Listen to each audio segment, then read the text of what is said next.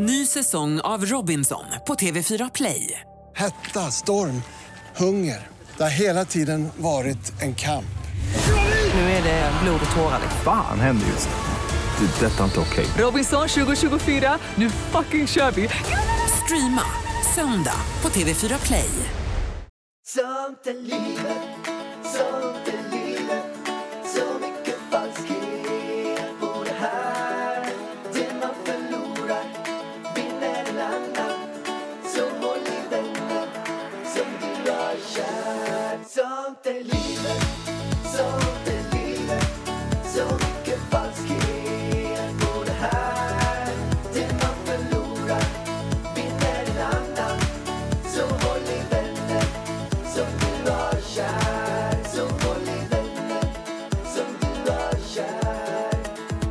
Välkomna till Sånt är livet. Välkomna, välkomna, påskvälkomna. Ja, vi är i Åmål och firar påsk. Jag skulle... Nej, vad, Aha, vad, vad bra. jag pratar som Elvis gör. Jag, jag, jag inspireras av honom. Nej, men det jag menar är att, att man, skulle, man skulle så gärna vilja att ni såg hur vi sitter när vi spelar in där. Ja, det är Jag- jävligt mysigt skulle Jag, jag, säga. med, jag omringas av öronproppar. Öronproppar överallt. Jag hittar till och med två stycken öronproppar på toaletten. Fast nu ljuger du. Vi sitter ju i mammas scrapbooking-rum. Ja, men ser du inte men hur det mycket är en- öronproppar det är? två Två öronproppar. öronproppar. Där ligger också öronproppar. Var? Här ligger öronproppar. Jag trampade på två öronproppar nu när jag var på toaletten. Ja, jag ser mera pyssel i det här rummet än öronproppar kan jag ju säga. Mammas scrapbooking-rum. Hon är så duktig på det där. Ja. Hon gör så fina grejer. Det jag menar är att det ser riktigt sunkigt ut där vi sitter. Men vad taskig du är mot min mamma. Nej, det är fint där, men det ser så grisigt ut. Det ligger strumpor på golvet, Ja, det det är är kallingar. prata för dig själv, det är dina grejer. Ja, men det ligger Mina grejer ligger fint i min resväska. Och här sitter vi och spelar in podd i alla fall. Ja, men jag tycker det är mysigt. Vi har haft det så. Alltså den här påsken, det måste ha varit den bästa påsken någonsin. Alltså vädret har levererat på topp. Elvis har varit glad.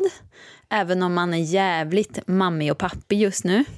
Ja, men det är ju lite så här knepig fas nu känner jag. För jag tänkte att vi skulle kunna, vi, vi, skulle komma hit, det skulle bli lite så avlastning av honom.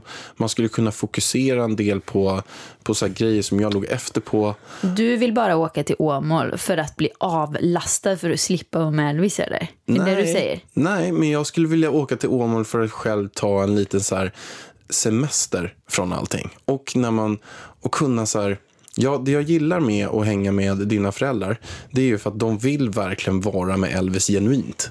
Problemet är ju nu att de inte får vara med Elvis för att han vill inte vara med dem. Det är det som är problemet. Och det tycker jag är jävligt tråkigt. Framförallt med typ din mamma som verkligen kämpar för att få en sån relation med honom. Ni pratar typ med telefon varje dag. Hon åker upp till Stockholm jättemånga gånger. Och sen bara när, när de ses nu. Elvis vet inte ens vem det är. Han bara... Jo, han, han inte, är han är rädd, rädd. för henne. Och, Alltså, problemet är ju att han är i separationsfasen. Eh, och då ha, alltså jag har läst någonstans att man bara kan ha tre personer som man, ja men två till tre personer som man har anknytning till, som man känner sig trygg med. Och då är det ju de tre personerna som han träffar mest. Och det är ju dig, mig och Isa. Så just nu är det ju vi tre, alltså vi kan inte lämna han till någon annan. Förutom oss tre, för han blir gnällig. Men sen så tycker jag att det var mycket värre för en månad sen. Nu har han ändå börjat så här, för en månad sen när mamma var uppe, då var det ju katastrof. Så fort någon annan kollade på honom började han ju gråta. Nu tycker han ju andra är intressanta och de får jättegärna leka med honom, fast på avstånd. Han vill ju inte så gärna att folk bär honom. Förutom dig och mig då. Då blir den så här, ah, ah, M, M, säger han istället för mamma nu. M, M. Har du märkt det? Han kryper bara, M, M. Det är så gulligt. mm, mm, mm, mm. Och när vi var hos våra kusiner på, på fika, du var ju inte med då. Då, alltså han var så rädd. Han var så rädd. Jag kände bara, vilken, vi har en liten känslig kille faktiskt. Jag tror att han är lite grann som vissa hundar är. Och de är ju så att de känner av onda människor. Nej. Så att det, det var att när han träffar personer som inte är det, det är för att de har någonting. Vad sa du? när han träffar personer som inte är det, det är för att När han träffar personer som... han inte gillar. Då har han någonting. Han, han ser igenom dem. Han ser igenom att det här är inte Nej, goda människor. det gör han inte. Jag tror inte att dina kusiner är så himla... De har inte så mycket rent mjöl i påsen de där. De är världens snällaste. Han är ju i, i så mot alla. Jag tror att det var väldigt mycket folk där som han inte... Alltså här, då märkte man ju i och för sig när vi hade varit borta hos dem och sen kom han hem med bara dig, mig, mamma, pappa och Linus. Då kände han sig ju trygg igen. Så då var mer de hans trygghet. Men jag tror, nu är han ju snart nio månader. Jag tror att det här kommer gå över typ runt tio månader vad jag har hört. Men vad är det? Va? Vad är det? Vad är det? Jag, eh, med tanke på Elvis och med tanke på eh, dina kusiner, så jag hörde ju, eller såg att de skulle ut och leta påskägg. Ja. Och jag blev så himla sugen. Jag la ut typ så här 20-30 påskägg i, eh, i trädgården. ja. Elvis var ju också ute och leta. Och jag var så himla sugen att eh, också gå ut och leta. Men jag ville, skulle också vilja tävla. Så då skulle jag vilja tävla mot dina två småkusiner på 7 och 13 år gamla. Och, och liksom ta mest påskägg. Ja, gjorde du inte det då? Jag blev, fick inte. Du och ditt, din tävlingshjärna. Ja, Men det hade varit så kul att släppa loss mig mot en 7 och 13-åring och bara, bara hel så här, fan, 30 Jossan hade blivit så ledsen om du bara hade sprungit runt och snott alla jävla ägg. Typ hällt i det godiset när du hittade dem också. Det skulle jag inte gjort. Men jag skulle, jag skulle absolut vara sugen att tävla mot några, några sju- sjuåringar, 13-åringar och sen så här springer man loss i en skog och, och letar påskägg och kollar vem som vinner. Äntligen har du en chans liksom. Mot sjuåringarna. Jag skojar. Det är du, alltså du och min lillebror. Ni gör inget annat än att tävla.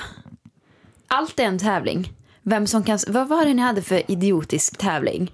Vem som kunde göra mest squats på ett ben. Ja, Och så stod ni bara på ett ben och gjorde squats. Ni tog ju aldrig andra benet. Ja, men vet du vad vi, vi körde klockan.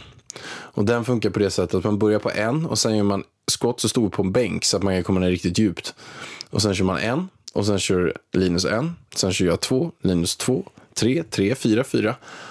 Och jag tror att vi kom upp till kanske 25 där någonstans. Ja, runt 20 någonstans där innan du ramlade. Ja. Och vi båda hade så jäkla träningsvärk så Men det var helt det. Alltså sjukt. är inte att leka med. Men det, så, så där håller ni ju på med allt. Kortspel, allting. Minsta lilla grej. Vi tävlade i Finnsjön När då? i, i förrgår. Spelade Finnsjön. Vem vann? Linus vann. Varför vinner alltid Linus hjärtat? Tur. Nej, vargarna vinner alltid. Ni har tur. Ja, men nu är det tur att du är en halvvarg i alla fall. Ja, Ja, men har du haft en bra påsk? helt okej. Vadå helt okej? Ja, det är så... Helt okej. Vad är det som har varit fel? Mm. Men jag tycker att det gått lite för snabbt, allting. Du Jag- har för roligt. Jag, jag förväntar mig att rätt vad det är så nu bara så ska vi åka hem idag. Det är Och det bara skittråkigt. flög fram, allting. Ja, men de dagarna du varit här har du inte haft det bra. Jo. Ha? Nej, sådär. Nej. Vadå då? Nej, men det är lite grann så här. Jag har ju jätteproblem med min rygg exempelvis. Ja. Och vi har inte hittat något så riktigt bra sätt hur jag ska sova här. Vilket gjorde att efter eh, jag sov här första gången så hade din, din pappa hade varit väldigt, väldigt snäll. Han hade alltså tagit eh, sängen och byggt in en plywoodskiva under madrassen. Min pappa. Vilket gjorde att jag hade fått på halva sängen, vilket gjorde att Ida skulle kunna sova på mjukt underlag och jag skulle kunna sova på, på hårt underlag. Han Men, fixar. ja, han var jättesnäll. Men då, var det, då blev det alldeles för hårt. Och det är ju svårt att veta det, för det var en ganska tunn madrass. Men för min rygg, det är ju så här... Ja, men då sov överallt. Du tar det lugnt. Du kan väl hålla käften. Klaga inte. Nej, men jag har ju typ nästan diskbråck och har jätteproblem med rygg. Det är därför vi, vi ehm, nej, men typ alltid tar tåget. För att jag har svårt att sitta. Jag kan åka bil, men jag har svårt att sitta så här fem timmar i en bil. Det, det är ju verkligen så här superont i ryggen. Och sen har jag svårt att sova. Så att jag kan inte sova på för mjukt, jag kan inte sova på för hårt. Och då måste jag själv, och jag tycker det är jobbigt, jag måste skit hitta så här, eh, liksom olika lösningar. Och vi har hittat en madrass här. Genom att vi har varannan natt också. Lite Men vadå, i natt fick du ju den madrassen. Absolut, det här var bra. Ja, det, då var det bra. Ja, Okej. Ja, men då har du ju i alla fall sovit bra tre av fyra nätter. ja. Ja, så då var det en natt. Okej. Ja, jag har i alla fall haft världens bästa påsk. Ja, men det har varit en väldigt bra påskvarg. Men nu är det dags för veckans ångest. Veckans ångest.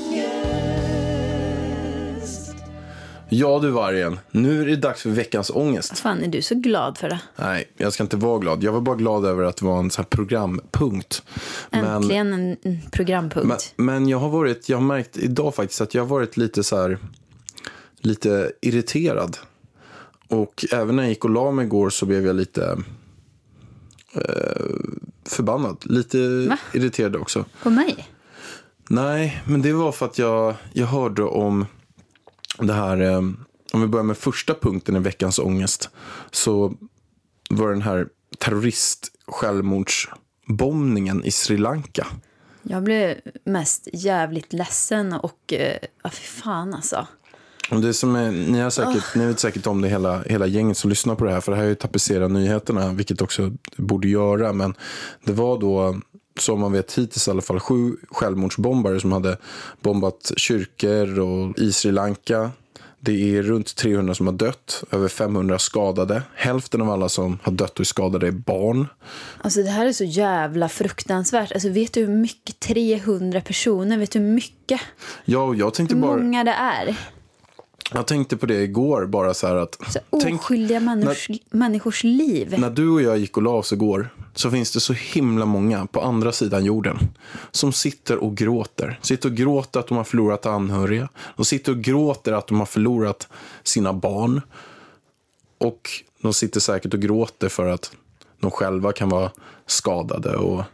Men jag, jag liksom förstår inte hur man kan göra en sån sak. Alltså det är ju så... v- Vad är det som driver dem? De måste ju vara helt hjärntvättade.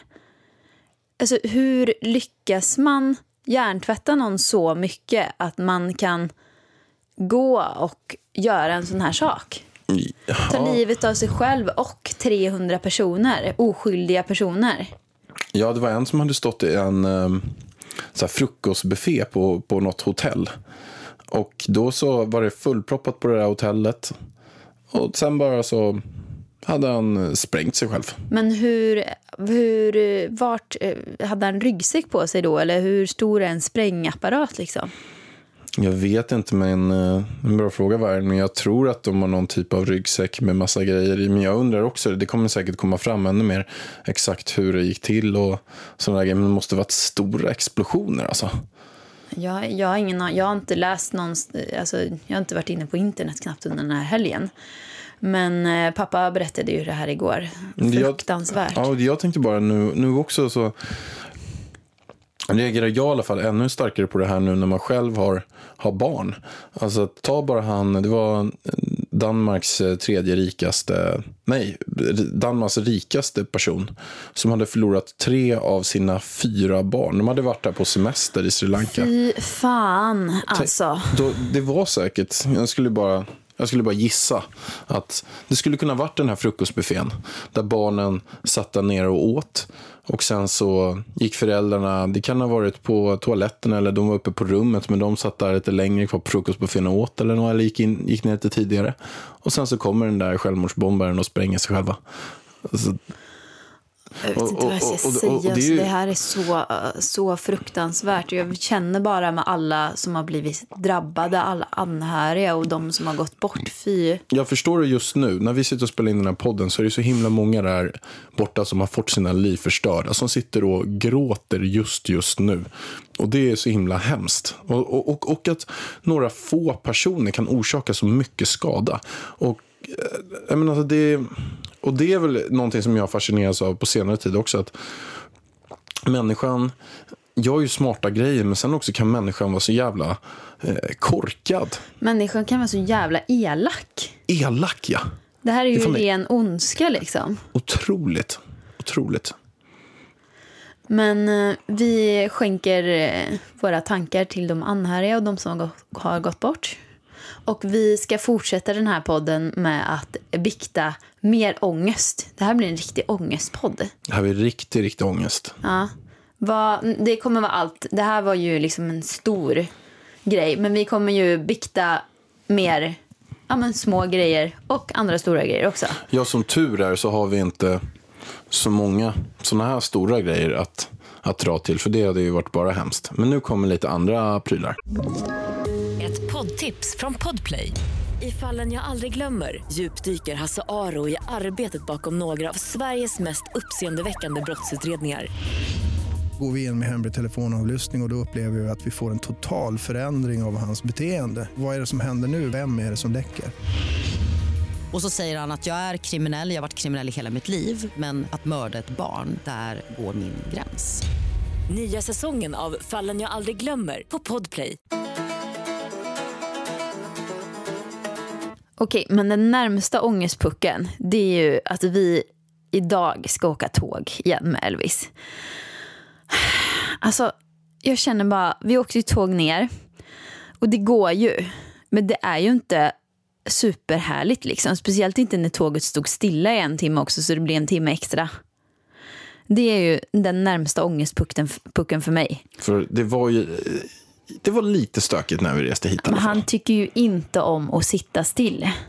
Det är ju inte hans favoritgrej. Utan han vill krypa runt.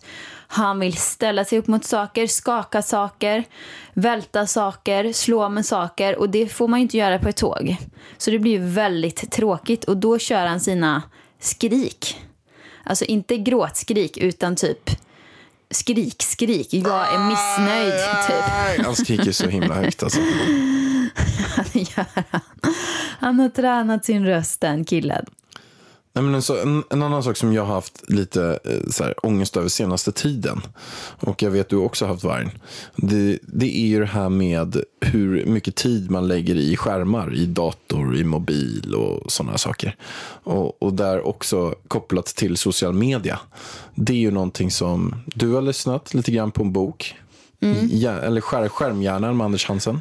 Ja, superintressant. Jag har ju inte kommit till just varför skärmarna är problemet. Men eh, första delen av boken var väldigt mycket fakta. Hur människokroppen reagerar och varför man får ångest av vissa saker. För att våra kroppar, Varan sa att det finns 10 000 generationer och typ en generation är det bara som har levt med Facebook och, och alla sociala medier och sådär. Så att kropparna är inte anpassade för det.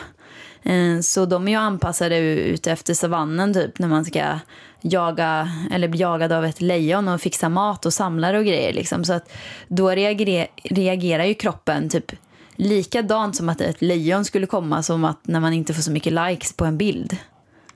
Och sen blir det så enorma stresspåslag också. Ja, och det är ju liksom konstant. För jag menar, och sen så är det ja, men typ som en deadline i jobbet skulle ju vara lika med då att ett lejon kommer. Och vad fan, hur många deadlines har inte, jag har i alla fall kanske 20 deadlines på en vecka. Plus att jag har en, ett barn att ta hand om. Så att det är ju ett jävla stresspåslag hela tiden. Och bara av att veta om det blir jag ju ännu mer stressad.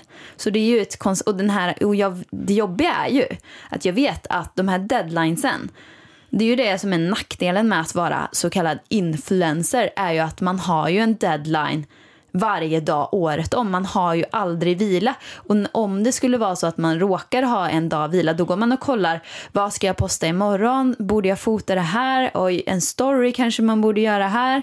Så att man får ju aldrig den här riktiga återhämtningen. Och det är det jag saknar mest med att ha ett så kallat vanligt jobb. Att man på fredag bara, okej nu är det helg, nu stänger jag ner allting, sen kommer jag tillbaka på måndag och så kör man hela veckan och sen stänger man ner. Och på semestern så har ju inte vi det nu och det tycker jag är den absolut största nackdelen med vårt jobb. Även om det finns väldigt många fördelar så är det en väldigt stor nackdel. Ja, Nej, jag håller med dig. Jag håller med dig. Det där är inte... Där, där, där, där är jobbigt. Men det är bra i alla fall att man kan se på telefonen nu hur, eh, hur mycket man har... eh, Ja, fast det blir ju fan på. ännu mer stressigt. Ja. Så ser man det, aha, nu har jag varit inne på telefonen i fyra timmar idag. Ja, då känner man sig så jag- dålig. Då har jag, vilken jävla sopa jag är. Här har jag suttit på Instagram. Fast jag vet att jag jobbar med det här och jag scrollar inte sjukt mycket för att kolla på annat. Utan det är ju mycket, jag gör ju mycket svara på mail. Jag har ju nästan inte min dator längre. Så det är ju nästan min datatid som har kommit över. Men sen så har jag ändå en okej snitt. Alltså vissa dagar blir det mer. Om, till exempel om man har ett samarbete på story. Då blir det väldigt mycket tid på, på mobilen. För att då man ska redigera man ska spela in storiesen, man ska redigera dem och sen ska man posta dem. Och det tar väldigt lång tid faktiskt. Man kan ju tänka så här, ja, story-samarbeten, de är så enkla, så tänker jag alltid. Och sen är det typ de som tar längst tid. Ja, men i vilket fall som helst, vad, hur ska vi lösa det här Ja, problemet? men den ångest, jag har en grej att jag ska verkligen liksom kämpa för att vara inne max två timmar per dag. Jag har tagit ut min telefon utanför när jag ska sova. För jag, som med många andra, har, när jag vaknade på natten förut under en period så tog jag upp mobilen och bara scrollade lite grann. Rätt vad jag var vaken i en och en halv timme för man blir så här pigg och de här bitarna.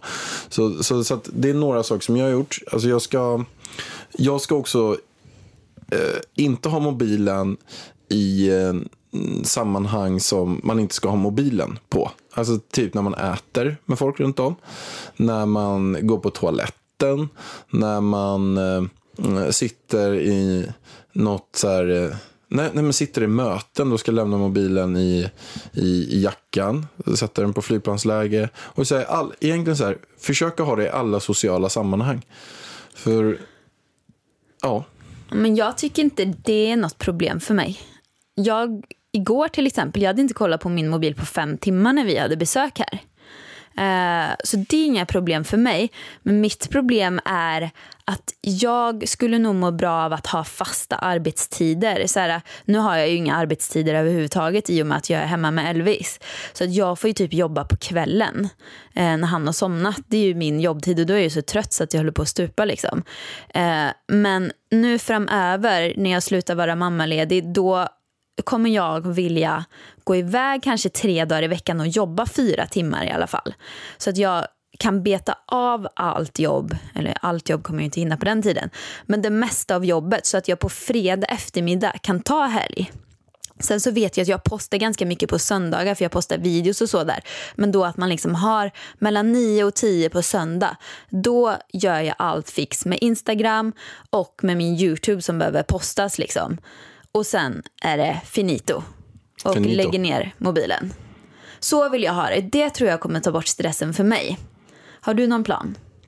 Ja, men det var den där planen tror jag. Alltså, jag skulle också vilja komma bort från det. Alltså att man lägger mer tid 9 till 5. Men sen också att man, att man minskar mobilens eh, användande. I, Men även datorn, för att jag blir, jag blir ju stressad av dig. För att om jag ligger, okej nu har jag stängt ner allt för idag, jag lägger mig och ska kolla på tvn. Eller bara ta det lugnt liksom på kvällen. Då kommer ju du och lägger dig bredvid mig med din dator. Eller så sitter du med din dator någon annanstans och då vet jag det. Och då känner jag mig så här stressad för att jag känner mig dålig. För att du sitter där och jobbar och inte jag. Förstår du vad jag menar? Mm, verkligen. Det är därför som, eh, som jag sa det, att det är, jag, jag ska försöka ta bort den. Men ofta är det ju att men du behöver jobba klart på dagen. Du måste, du måste också ha fasta arbetstider. Du behöver vara klar med ditt jobb måndag till fredag. Du är ändå liksom borta. Och jobb, du jobbar ju hela dagen nästan. nej. Du borde ju kunna beta av jobbet. nej men jag, mellan borta, och fem. jag är borta på intervjuer. Ja, Jag har inte någon jobbtid däremellan. Alltså jag är borta är inte på... det jobbtid? Jo, det är det. Men jag är borta på intervjuer.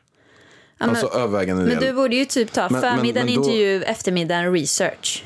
Men alltså som det är nu så kör jag ofta intervjuer typ tre dagar i veckan i alla fall. Och sen är det typ ett möte. Men det jag skulle behöva lägga in då för att kunna lösa det, det är att jag kör typ intervju som jag ofta kör mellan 10 och 12. Och sen så kör jag något möte ofta vid 1-2. Men sen skulle jag behöva jobba typ 3-4 timmar, sätta mig någonstans och jobba 3-4 timmar. Nu tar jag igen den tiden på kvällen när Elvis har somnat. Och eh, på morgonen, om det är så att jag inte har Elvis. Då kan jag ibland ställa klockan på fem. Ibland till och med halv fem. Och sen så sitter jag och jobbar till sju. till när ni har gått upp sju, kvart över sju där någonstans. Så då tar jag in två timmar där och sen så kör jag kanske två timmar på kvällen. Det är där jag tar in. Ja, där kan du gärna få ta in. Ja. Då ser ju inte jag dig. Nej, men det är det jag försöker göra. Men, det, är, men det är klart att jag... Alltså, men, jag men jag skulle ju inte vilja lägga... Jag skulle inte vilja vara borta mellan 8, 9 till 5, 6 varje dag heller. För då missar jag ju tid med honom. Så man vill ju ta igen det när, Han sover. ja, när han sover. Ja. Ja, men då får du göra det i ett annat rum då. Aha, men vi, måste, vi, får, vi får sätta oss och lösa det här. Så kan vi ju återkomma till er när vi har gjort det. Det här är ju att jag, jag la upp det på min Instagram också och skrev det här att det här är en liten ångest och det är väldigt många som, som håller med om det, som sitter med sina familjer och sen så kollar de så här i soffan när de ska, ska kolla på något tv-program ihop eller någon film så sitter alla med sina mobiltelefoner. Att du har ju datorn Ja. oftast. Jobbar ju. Jo, men sitter med sin padda, mobiltelefon eller dator, vad det nu än är. Men jag Absolut, jag brukar sitta med dator ibland där inne. Men jag vet att jag blir störd med dator, så ofta brukar jag inte sitta där inne överhuvudtaget. Ofta sitter jag i ett annat rum och, och gör klart där. För jag, om, jag, om jag sitter där inne med dig och dator så kan jag inte fokusera. Men du Vargen, vi har ju en gäst med oss idag också. Ja, så himla roligt. Och idag ska vi prata om något som jag tycker är... Eh, alltså, det är svårt att säga att det är roligt, men det är extremt intressant och något som fan drabbar hur många som helst. Psykisk ohälsa. Ja, men det är ju väldigt viktigt att prata om det här. För det kan vara lite tabu. Ja. Vi säger varmt välkommen till Martin Lindman som är vd och grundare av doktorn.se som också det här avsnittet presenteras av. Stort, stort tack att du har kommit hit. Tack så hemskt mycket för att jag får komma. Hur mår du? Jag mår väldigt bra faktiskt, Eh, men jag håller med, det är ett väldigt intressant ämne att prata just psykisk ohälsa. Ja, men till exempel jag efter förlossningen nu när Elvis kom så mådde jag lite dåligt. Jag eh, blev deprimerad. Eh, hade jag kunnat använda tjänsten då? Ja men absolut, eh, oavsett om det är somatisk vård, alltså eh, symptom som vi känner till och vi är vana med, eller om det är psykisk ohälsa så kan man alltid kontakta doktor.se och det är vår kliniska personal, våra sjuksköterskor eller läkare som bedömer vad nästa vårdnivå är och hur vi kan hjälpa dig. Och i det här fallet gällande psykisk ohälsa så har vi också psykologer som hjälper till. Mm. Men, alltså, jag tycker ju lite så här att man ska... Alltså, alltså jag tycker nästan alla ska gå till en psykolog och prata. För att det, det är det som är problemet idag. Nej, men ta mycket, det är mycket så här, kvinnor, det, det, det är en målgrupp runt 30 va? Som mår väldigt dåligt. Absolut. Det är ett hårt tryck på oss idag i samhället. Eh, vi ska eh, skaffa familj, vi ska ha karriär, vi ska vara med i ropet och eh, i det här så är det väldigt många som känner sig stressade och pressade och, och mår väldigt dåligt. Eh, där man absolut kan få hjälp av psykologer. Jag tror inte att det är patienter idag som lättvindigt eller bara för nöjes skull söker vård. Eh, men jag tror att det är ett omvänt problem, att vi söker lite för sent.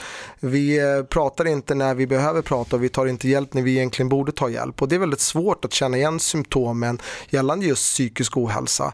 Eh, och där är det bara en uppmaning att eh, har man den, har, känner man sig pressad och känner man att man, man mår dåligt och behöver prata med någon så finns den hjälpen att få oavsett om man kontaktar sin vårdcentral eller i det här fallet eh, kontaktar doktor.se så kan vi hjälpa till. Mm. Jag kände mig ju inte tillräckligt sjuk för att ja, men kontakta någon. Eh, så, men jag önskar nu efterhand att jag faktiskt hade, hade gjort det. Mm. För när man väl är där, hur, hur vet man liksom? Men det, det är jättesvårt och det är upp till varje individ naturligtvis Mm. eh, att förstå och behandla sig eller förstå vilken behandlingsnivå man behöver.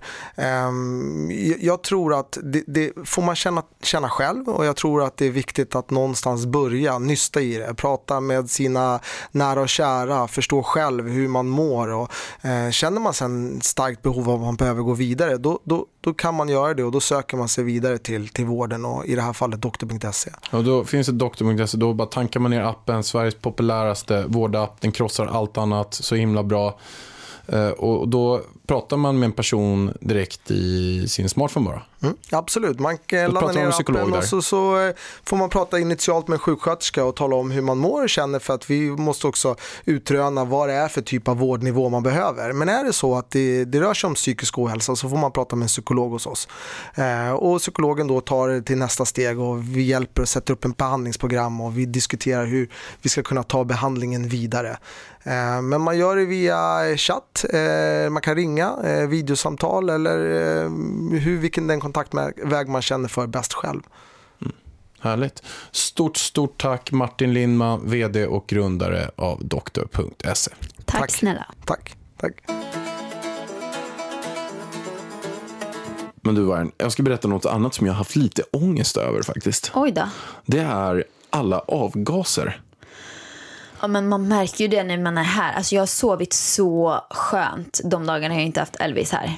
För att det är helt lugnt utanför. Det är vatten runt omkring, det är natur. Och liksom när jag lägger mig i sängen då känner jag harmonin. Även om träden inte är inomhus så vet jag hur det ser ut utomhus. Luften är så frisk. Polande vatten. Men i Stockholm när man går och lägger sig, då vet man att jag kan inte öppna fönstret för där ute åker det en miljon lastbilar och bilar och det är fullt med avgaser. Det är helt hysteriskt där ute så då känner inte jag det lugnet när jag ska sova.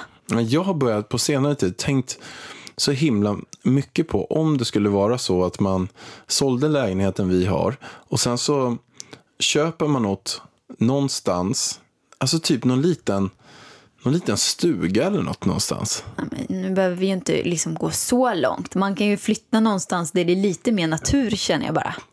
Man behöver inte flytta ut i skogen till en stuga. Det är inte det jag menar. Men man kanske inte borde, behöver bo mitt i centrala Stockholm. Där det åker svin mycket bilar. Så känner jag. Men vi har ju, dra- vi har ju liksom kollat på utanför Stockholm. Och liksom, för vi älskar ju lägenheten i Stockholm. Alltså, själva lägenheten är vår drömlägenhet. Verkligen. Det är bara att man skulle vilja flytta den till ett mer... Ja, men, men där är lite mer... Åmål. Nej, inte Åmål, men typ ett ställe där det är lite mer natur eh, och inte massa bilar utanför. Ja, där får ni också komma med något bra tips. För att jag vill ju kunna cykla överallt. Alltså att jag ska kunna ta mig in till stan relativt snabbt. Kanske cykla en, ja, men en kvart, 20 minuter. 25 minuter kanske som absolut max. Någonstans där. 20 minuter. Och kunna komma in till stan. Men fortfarande bo i så mycket natur som möjligt och så mycket lugn som möjligt. Ja, alltså jag tycker ändå att Norra Djurgårdsstaden är en favorit. Och Nacka strand. Jag tycker de två är väldigt bra. Men jag vet inte hur det är att cykla från Nacka strand. Det är väl bra cykelvägar Jag därifrån? tror eller? det. Jag måste testa att cykla dit någon gång. Ja, för det, det gillar ju jag där ute. Det är ju jättefin natur, vatten och tar tio minuter in till Slussen. Och sen finns det också båtar som går dit. Och sen finns det... ah, men gud, ska vi inte flytta dit då? Men jag är lite tveksam på eh, all um, luft där. För de har ju jättemycket motorväg där utanför. Men hjärtat, det är samma luft överallt i Stockholm.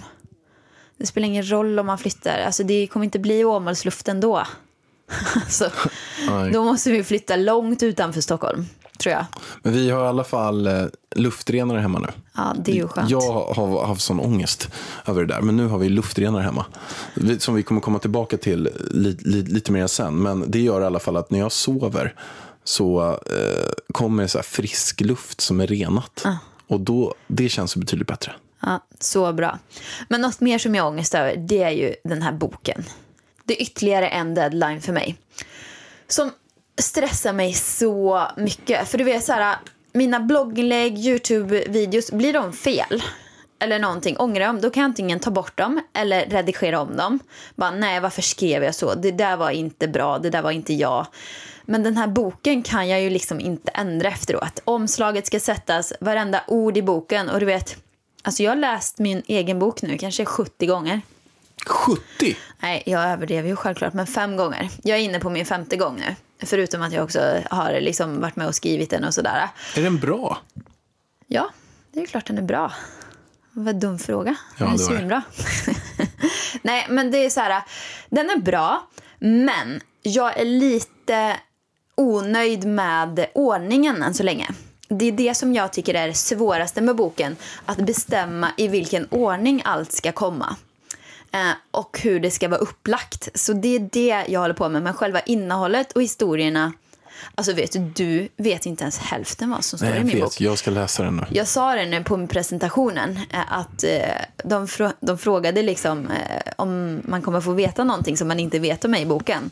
Och då sa jag så här, ja men eh, jag tror inte ens att min kära man vet 85 procent av vad som står i boken. Han har ingen aning om de här historierna. Så att svar ja. Och det är det jag är lite nervös över. Det är det jag får ångest över. Att, alltså det känns som att jag blottar mig. Det är så privata saker. Jag brukar aldrig dela med mig av så mycket privat. Jag är personlig men inte privat. Och det här är jävligt privat. Ja, så det är det. Jag svettas. Jag är så taggad. Ja, men jag har sån ångest nu alltså. Ja. Jag har lite ångest över en annan sak, Vargen. Mhm. Det är att nu en påsk så har det varit jättemycket påskgodis. Och då ska jag vara lite så här bror duktig. Så när vi sitter ner allihopa och sen har någon som frågar mig, hej vill du ha en godis? säger jag nej. Och sen så kommer jag in till köket själv och då ser jag en sån här jättestor eh, kaninchoklad. Som är, vi pratar säkert 20 centimeter, så här jätte chokladbit och jag bara, ah, den, jag såg den där kaninen ligga där och jag bara, nej men jag smakar lite på huvudet på den tänkte jag. Så jag tog bort den här, eh, den här Foliet. foliet och sen så stack ett öra ut och jag bara, men jag nafsade lite i örat på den. Och jag vet inte vems det var, om det var någon av dina, de här barnens. Eh, Men då började jag käka örat på den. Rätt vad det är så ser jag mig själv att jag biter loss halva huvudet på den. Och sen har jag biter loss halva kroppen. Och så står den där. Och sen så går jag ut där. Och och när jag kommer in sen igen så käkar jag upp resten. Så jag käkar upp en typ en 20 centimeters chokladkanin. Och- Och det har lite ångest över.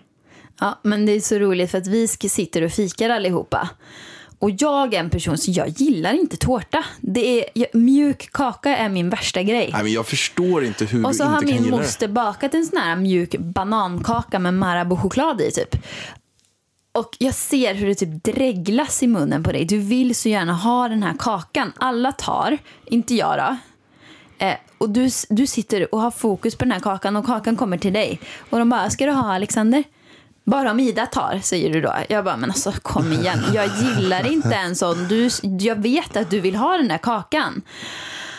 Eh, och du vägrar ta, sitter och dreglar när alla andra äter den här kakan. Jag bara, men hjärtat, om du mår bättre så kan jag sitta här och äta godis ur det här ägget, för jag gillar ju ändå lakrits. Så då käkar jag lakrits, men du vägrar äta den här kakan. Sen går ju du smyger in och äter tårta istället. Ja. Jordgubbstårta och chokladkanin. Det är Alltså, inte lätt. Jag, nej. jag brottas med mina egna grejer hela tiden. Men varför måste du ha förbud? Det är väl bara att äta. Om du Men vill ha. problemet så blir att jag bestämmer- käkar så mycket. Ja, men säg så här. Bestäm dig bara för att ta en bit. Är, Fast är det så jävla svårt? stor bit. Men de var ju redan uppskurna. Ta en bit för du vill ha. Men om jag, problemet blir det. Stillar inte ditt behov då? Nej, om jag tar en bit hela tiden på allt. Då skulle jag ta en bit av allt Hur hela ofta tiden. blir du bjuden på en kaka då? Det är ju väldigt sällan. Det är under jul och påsk typ här.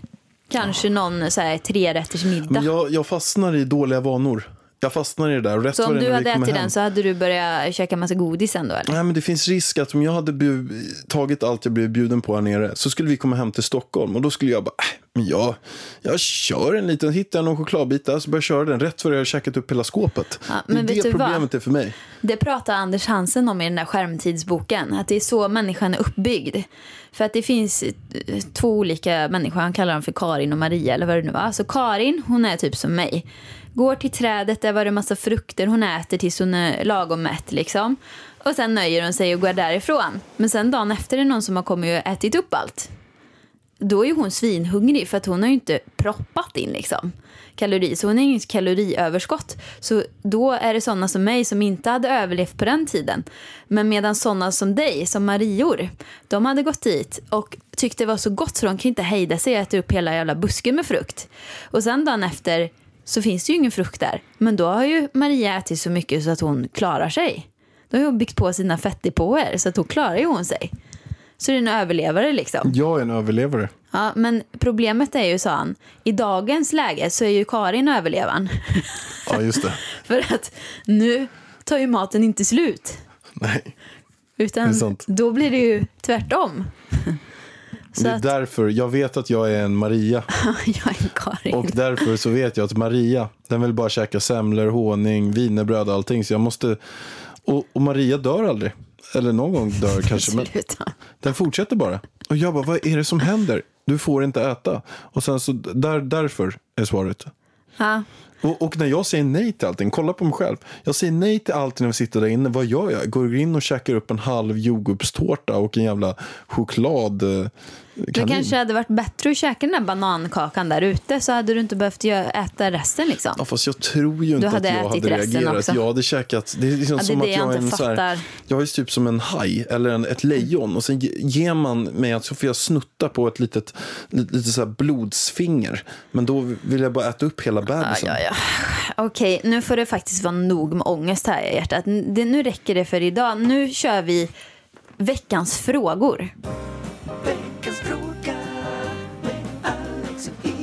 Innan vi börjar med frågan här så vill jag bara att alla ska gå in och följa oss på Instagram, familjen.varg. Där kan man eh, diskutera lite. Vad tycker man om veckans poddavsnitt? Har vi några fler frågor? Vilka teman vill vi ha i podden? Och så vidare. Plus massa backstagebilder på mig, Pärlan och lilla Elvan. Okej? Nu- Kommer han kallas Elvan tror du? Mm, Jag tycker han är, det är gulligt. Det är min agent som kallar honom för Elvan. Är inte det ganska sött? Lilla Elvan. Okej, är du med? Jajamän. Är det taskigt av mig att söka samma jobb som min kompis har sökt? Jag har mer erfarenhet och hon tror att hon inte kommer få jobbet om jag söker. Jag tycker det är väldigt kul att, att, att hon, av, av alla jobb som finns, så går hon och söker ett jobb som typ hennes bästa polare eh, söker. Och att de tjafsar om det på det sättet. Men jag måste ju ändå säga, om, i Åmål till exempel finns ju inte så jättemånga jobb. Så då kanske man måste söka samma jobb. Men är det så, jag tycker att den här kompisen verkligen ska tänka efter. Alltså hon som har Man kan ju skrivit inte in. paxa jobb eller? Nej, men är man väldigt bra kompisar och känner så här, ja ah, men det där jobbet skulle väl typ vara kul eller något. Jag skulle väl, ja ah, det är ett medelmåttigt jobb. Och så vill ens kompis verkligen, verkligen ha det där jobbet och har kämpat men haft det lite svårt och du vet så. Eh, och man vet att om man söker det så kommer man att få det istället för sin kompis. Då kanske man skulle överväga att söka något annat jobb som man själv verkligen, verkligen vill ha. Ja, för jag håller med dig. Jag får säga så här, grunden, jag håller med dig i det. Så jag tycker verkligen så. Men sen så funderar jag också på in the long term. Kan du inte, om hon, om den här kompisen säger nu så här, att nej, för de har ju uppenbarligen pratat om det. Att nej, men sök inte det här för att jag ska söka det. På något sätt måste ju hon då bli lite bättre. Alltså att hon kan inte i hela sitt liv komma och eh, begränsa andra vad de får göra. Hon måste på något sätt fokusera på sig själv och göra så bra som möjligt. Men det kanske hon det. gör. Ja, Vissa har svårare inte det. för sig. Det räcker inte det. Då måste hon se vad kan jag göra ännu bättre. Hur kan jag ringa upp den här arbetsgivaren och verkligen berätta att jag vill ha det här och vässa till sig. För hon kommer inte kunna begränsa sig. Begränsa folk runt omkring sig. Nej, men det kanske bara är hennes bästa kompis hon begränsar. Alltså, jag tycker så här att vill hon som har skrivit in verkligen, är det här hennes drömjobb som hon verkligen har velat ha, som hon har kämpat för? Ja, men då är det såklart att hon ska söka det. Självklart, men är det ett medelmåttigt jobb och hon vet att hon kan få något annat, då är det ju bättre att söka något annat. För att antagligen så kommer ju deras vänskap förstöras om hon söker och får det och den andra inte får det. Nej, det, det kommer bli väldigt då bittert får där. man ju så här, överväga, liksom, ha, jag vet att jag kan få något annat jobb, då kanske det är dumt att utsätta våran vänskap. Så tycker jag, men samtidigt absolut, jag håller med, man ska inte begränsa andra människor, men är man bästa vänner så kanske man kan vara lite schysst. Eller? Nej, men jag, jag, jag vet. Danne Hallén, han jobbar ju på McDonalds. Vår polare Danne Hallén. Han jobbade där ganska länge. Han var väldigt duktig på att steka hamburgare. Och de berömde ju honom väldigt mycket också. Att han stod där och, och, och stekte burgare och allt sånt där. Men då sökte ju jag det jobbet också. Och, och fick börja jobba på McDonalds. Så att ofta kan det ju vara så, alltså det märker jag nästan mer så än tvärtom. Att är det Men- så att två kompisar söker så brukar ofta båda kompisarna Ja, men få... nu verkar det ju bara finnas en plats. Då kan man väl låta den andra dåliga söka först och sen kan man ju söka själv sen efteråt. Ja, om den inte får jobbet kanske. Ja, Men då är alla precis. platser kanske tillsatta. Ja. Ja, men tänk efter, överväg. Är det värt att, eh, att vår vänskapsrelation ska, ska utsättas för prövning? Eh, tycker du att det är värt det, så sök. För ingen ska ju självklart hindra dig från att söka ditt eh, drömjobb. Annars så sök ett annat jobb. Då hoppar vi in på nästa fråga. Härligt att ni fick till flytten till Spanien. Jag bara undrar hur ni har tänkt få ihop jobb och allt. Ni har ju mycket möten och dylikt i Sverige. Blev bara nyfiken på detta. Slash Albin. Ja du Albin, det ska vi berätta för dig. Det här är ju verkligen våran dröm. Att eh, kunna göra det här. Att kunna flytta till, till Spanien och vara där. flytta ska vi ju inte göra. Nej. Eller det vet vi ju inte. Vi ska inte- eh, vi ska ju testa nu. Ja, men vi är där. Vi får se. Det blir spännande. Vi kommer åka dit nu första gången i maj när det är tillträde. Mm. Och sen så ska vi åka dit i oktober, november. Och sen så får vi Januari, se. februari, mars, april, maj skulle jag vilja vara där nästa år. Det, och det är ju så att vi, vi tar eh, mina intervjuer som är det, liksom det absolut primära. För att jag behöver vara kvar i Stockholm. Det är det absolut primära. Sen är det möten och samarbetspartners och massorna också. Men, men så här, intervjuerna, det går ju inte att komma ifrån på något sätt. Då kommer jag maxa på massa intervjuer. Så jag har ju fullt tryck nu fram till midsommar med tre, fyra intervjuer i veckan typ. Och det gör jag för att jag sen ska kunna ta det lugnt senare. Och samma sak i augusti när vi kommer tillbaka. Så det är ju det, men sen så, så tror jag att man mer och mer kan ta möten eh, på, på telefon. Man kan ta Facetime-möten och sådana Ja, grejer. alltså för mig är det ju inga problem alls. Alltså jag vill ju inte gå på så mycket möten. Jag har ju min agent som går på möten åt mig. Och jag har ja, mina människor som jobbar för mig som gör sådana saker för att jag nu ska kunna varit med Elvis. Så att jag har ju lite ordnat upp allt det där för, för mig. Liksom. Och eh, visst, jag går på vissa kundmöten, jag går på möten angående boken, men boken kommer ju vara klar i september. Och det, de mötena skulle man kunna ha på Skype Men också. Vargen, ska inte du på promotion-turné Men på, jag orkar inte det. för din bok? När släpps den? Men september, Men typ 10, 15, 20? det vet jag inte. Jag, har inte förvänt, jag tror inte det är exakt bestämt För än. du vet att du kommer ha riktigt mycket att göra med boken då alltså? Men det beror ju på också. Man väljer ju själv. Jo, för bara signeringar. Ja, Spela men in jag, ljudboken. Ja, ljudboken är bokad nu. Det är ju fem gånger fyra timmar. Det är ju 20 timmar jag ska sitta och läsa den där boken. För, och det kommer ju liksom vara den 111 gången jag läser boken. typ. Nej, men det är faktiskt kul. Jag tycker det är roligare och roligare att läsa boken. För att den blir ju mycket bättre och bättre hela tiden. Eh, Ja, men sen, alltså visst, ljudboken ska ju läsas in. Eh, sen kommer jag säkert, ja men signeringar ska ju göras. Men det hinner väl jag göra i september eller? Ja. Ja, för att kunna åka i oktober. Fast de kommer Sen- vilja boka in dig på Ja, jättemycket. men så här, de kommer till, vilja eh, åka till mässor och hej och hå. Jag åker inte på sånt. nej, okej. Det, vi är olika. Du åker, jag känner att mina fans som vill köpa min bok, ni följer mig här på min YouTube och mina kanaler. Det räcker. Du kanske kan köra en egen träff? Alltså du kör Ja, en egen... Jo, men absolut. Jag vill, Kör- vet du, jag vill jättegärna träffa mina fans. Och jag har fått jättemycket förfrågningar om föreläsningar och grejer i och med den här boken. Men jag har ingen föreläsning. Så att det blir ingen föreläsning. Men vill du skriva en föreläsning? Nej, vill jag inte. Inte just nu. Vill jag inte. Alltså, jag ser lite föreläsningar som att åka på turné. Jag har ju jobbat som dansare och i popgrupp. Och jag har åkt land och rike, stå på olika scener, göra ljud, eh, vad det nu heter, eh, soundcheck och allt vad det nu är. Det tar sån jävla tid. Och jag har gjort det lite, så att jag behöver vila lite från det. Kanske, jag säger inte att jag inte kommer föreläsa i framtiden. Det kanske jag gör någon gång. Men eh, just nu vill jag inte skriva en egen föreläsning. Jag kan komma till vissa speciella. Jag har ju fått en förfrågan nu. Kommer du köra den? jag vet inte. Jag, jag har inte... Alltså, Isa har inte skickat vidare mejlet till mig, men det kanske hon gör snart. Eh, det har ju kommit till min andra mejl. Men i vilket fall som helst, jag har tjuvläst och jag blev lite sugen för det är så här att stötta unga kvinnor i deras karriär. Och sådana grejer vill jag ju göra. För jag tycker det är kul att få inspirera andra unga kvinnor. Så att kanske gör det, men jag kommer inte skriva någon föreläsning utan då får det vara att jag kommer dit svara på frågor. That's it. That's it. Ja.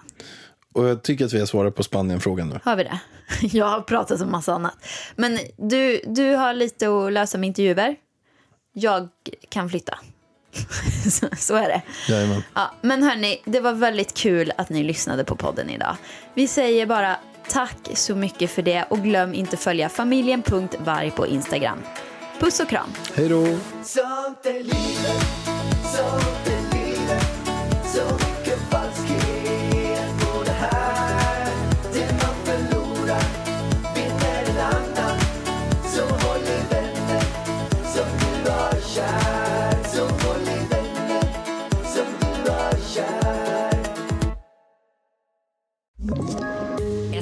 Ett poddtips från Podplay. I fallen jag aldrig glömmer djupdyker Hasse Aro i arbetet bakom några av Sveriges mest uppseendeväckande brottsutredningar. Går vi in med hemlig telefonavlyssning och, och då upplever vi att vi får en total förändring av hans beteende. Vad är det som händer nu? Vem är det som läcker? Och så säger han att jag är kriminell, jag har varit kriminell i hela mitt liv men att mörda ett barn, där går min gräns. Nya säsongen av Fallen jag aldrig glömmer på Podplay.